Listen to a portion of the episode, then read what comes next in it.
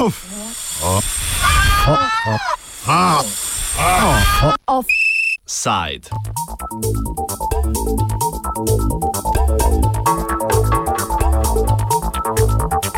ساق الخري إلى من جرك وخ الخري إلى من ترك Počasna evolucija ravnanja z odpadki.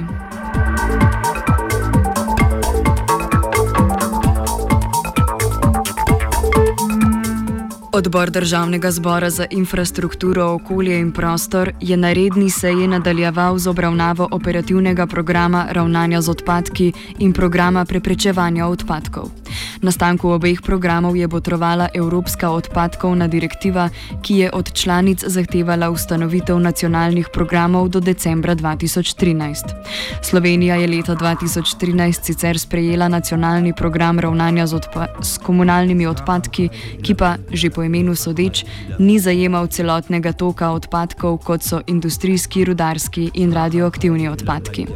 Posledično smo še vedno v fazi sprejemanja dveh programov.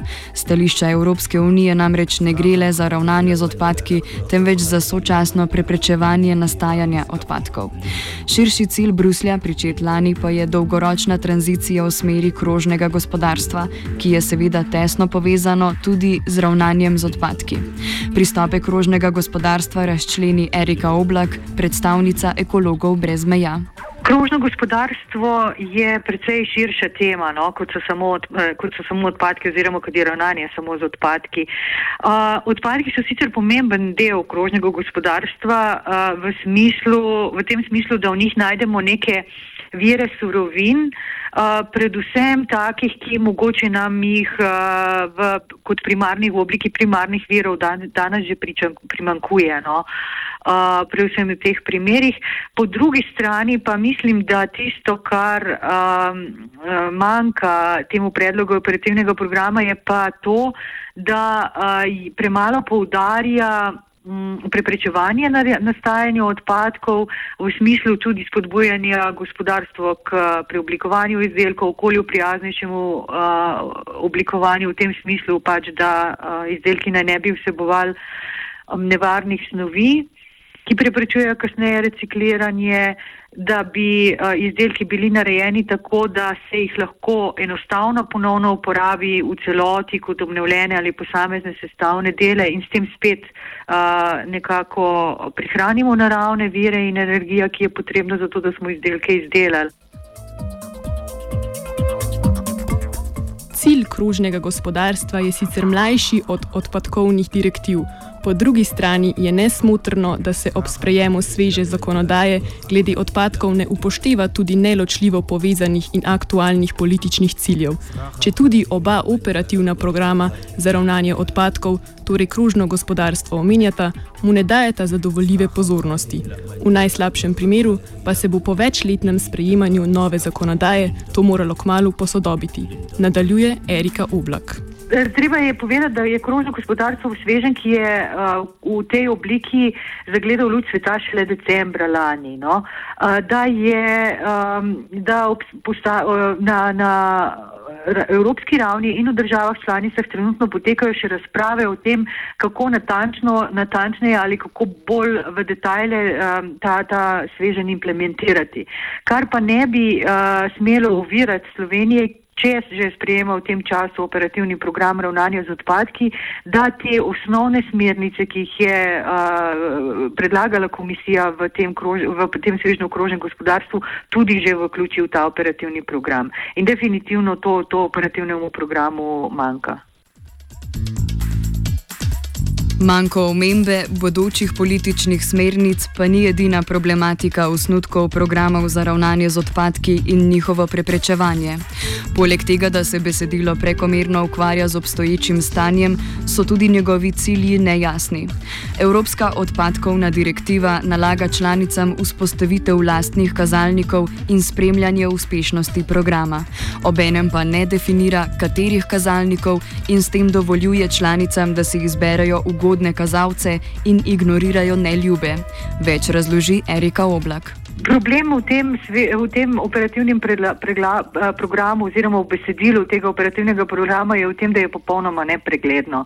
Bom rekla, da večino, večino besedila predstavljajo uh, povzetki z trenutno veljavne zakonodaje, zelo, zelo malo izvemo o stanju, o trenutnem stanju na področju posameznih odpadkovnih tokov, o tem, kako, kakšnimi ukrepi s kakšnimi ukrepi bomo, bomo dosegli cilje in seveda tudi precej nejasno so definirani sami cilji.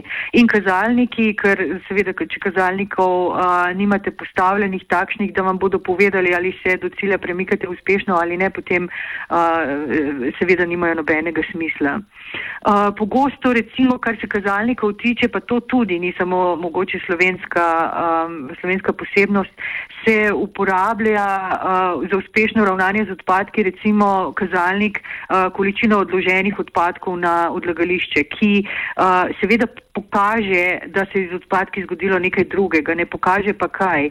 Namreč, uh, če iz odlagališč preusmerimo odpadke v sežigalnico, smo dobili uh, samo mečkan del energije iz teh materijalov, ki jih sežigamo in smo izpolnili pač kazalnik za, uh, za uh, manjše odlaganje.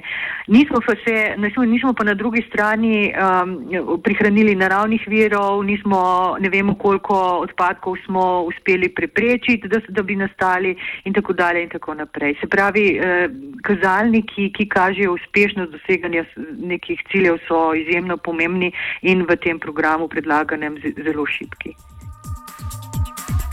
Slovenija je izredno uspešna pri ločenem zbiranju komunalnih odpadkov, medtem ko je nadaljne ravnanje z njimi nepopolno. Ločevanje je namreč le prvi korak, saj lahko ločeni odpadki še vedno pristanejo v sežigalnicah, namesto v nadaljnih postopkih reciklaže in ponovne uporabe v industriji. Situacijo pojasni Erika Oblak. Ja, v Sloveniji smo res uspešni na, na področju predvsem ločenega zbiranja odpadkov, se pravi imamo komunalnih odpadkov, govoriva, uh, imamo vzpostavljen sistem, uh, neko zakonodajo, ki ta sistem podpira, ampak uh, to pa še ne pomeni, da moramo biti zadovoljni. No? Veliko, ogromno je še prostora za to, da lahko naredimo še več. Uh, zmeri pa se ob tem pojavljajo tudi um, razmišljanja, kaj pa s tistimi deli, s katerimi trenutno ne vemo, kaj bi naredili. In uh, tukaj se odpira potem pa polje na to, kaj, o čemer smo govorila prej. Ali bomo te odpadke na mesto uh, na odlaganje vozili na sežik, ker če jo vozimo na sežik, nismo naredili pomembnega premika naprej, še, še najmanj pa v, v smeri krožnega gospodarstva. To pomeni, da je potrebno te odpadke uh, res, resnično usmeriti tudi v recikliranje, ne samo lož znat loč ločeno zbirati. In uh, na drugi strani spreminjati pod, vzorce potrošnje tako pri um, javnih, uh, javnih inštitucijah kot pri posameznikih. Uh, preoblikovati še enkrat izdelke v smeri, da, um, da je možno njihova kašnejša ponovna uporaba ali večkratna uporaba in recikliranje. Recimo pri um, ravnanju z biološkimi odpadki iz uh, gospodinstev imamo sicer zagotovljeno ločeno zbiranje in načeloma spodbujam na kompostiranje doma, vendar mislim, da bi se dalo v precej večji meri uh, to kompostiranje uh, doma spodbujati na različne načine, tudi v recimo več stanovanjskih stavbah. Potem je pa zelo pomembno, kaj komunalna podjetja, ko zberejo biološko razgradljive odpadke, z njimi naredijo naprej.